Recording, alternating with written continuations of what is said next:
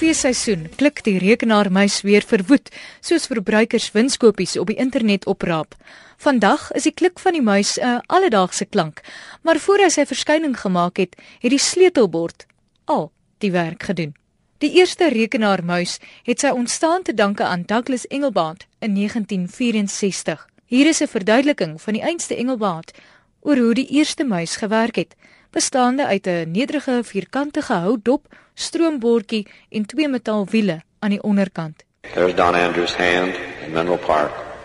And in a second we'll see the screen that he's working and the way the tracking spot moves in conjunction with movements of that mouse.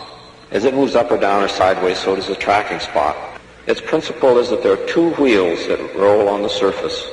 But since they're right angles and kind of sharp edges, one roll and the other slide in one direction. And as the mouse moves over a surface, then each of those wheels either slides sideways without rolling or rolls. I don't know why we call it a mouse. Sometimes I apologize. It started that way and we never did change it. Die deurbraak sou volgens Dr. Sonja Gilliland van die NWU 'n onmiskenbare rol speel in die tegnologie wat ons vandag ken. Die muis kan eintlik daarop roem dat hy die grondslag gelê het vir baie van ons moderne aanwysingstegnologieë. En die toekoms van die muis? Volgens Dr. Gilliland is die muis, vreemde naam en al, nog lank hier om te bly.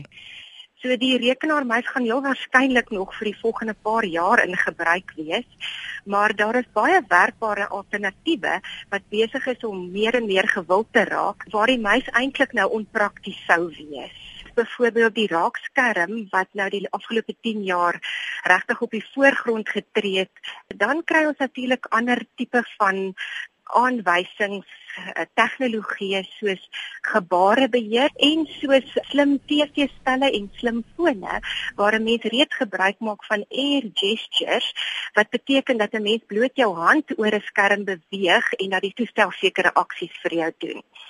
Nog 'n goeie voorbeeld is byvoorbeeld oogstaarbeweging of eye trackers, gaze tracking, soos wat ons dit ook noem in Engels, waar ons slimfone byvoorbeeld 'n slim rolmanier het waar jy bloot kan kyk na jou skerm en jy kry dit reg om die skerm te laat beweeg of die teks op die skerm op en af te laat beweeg.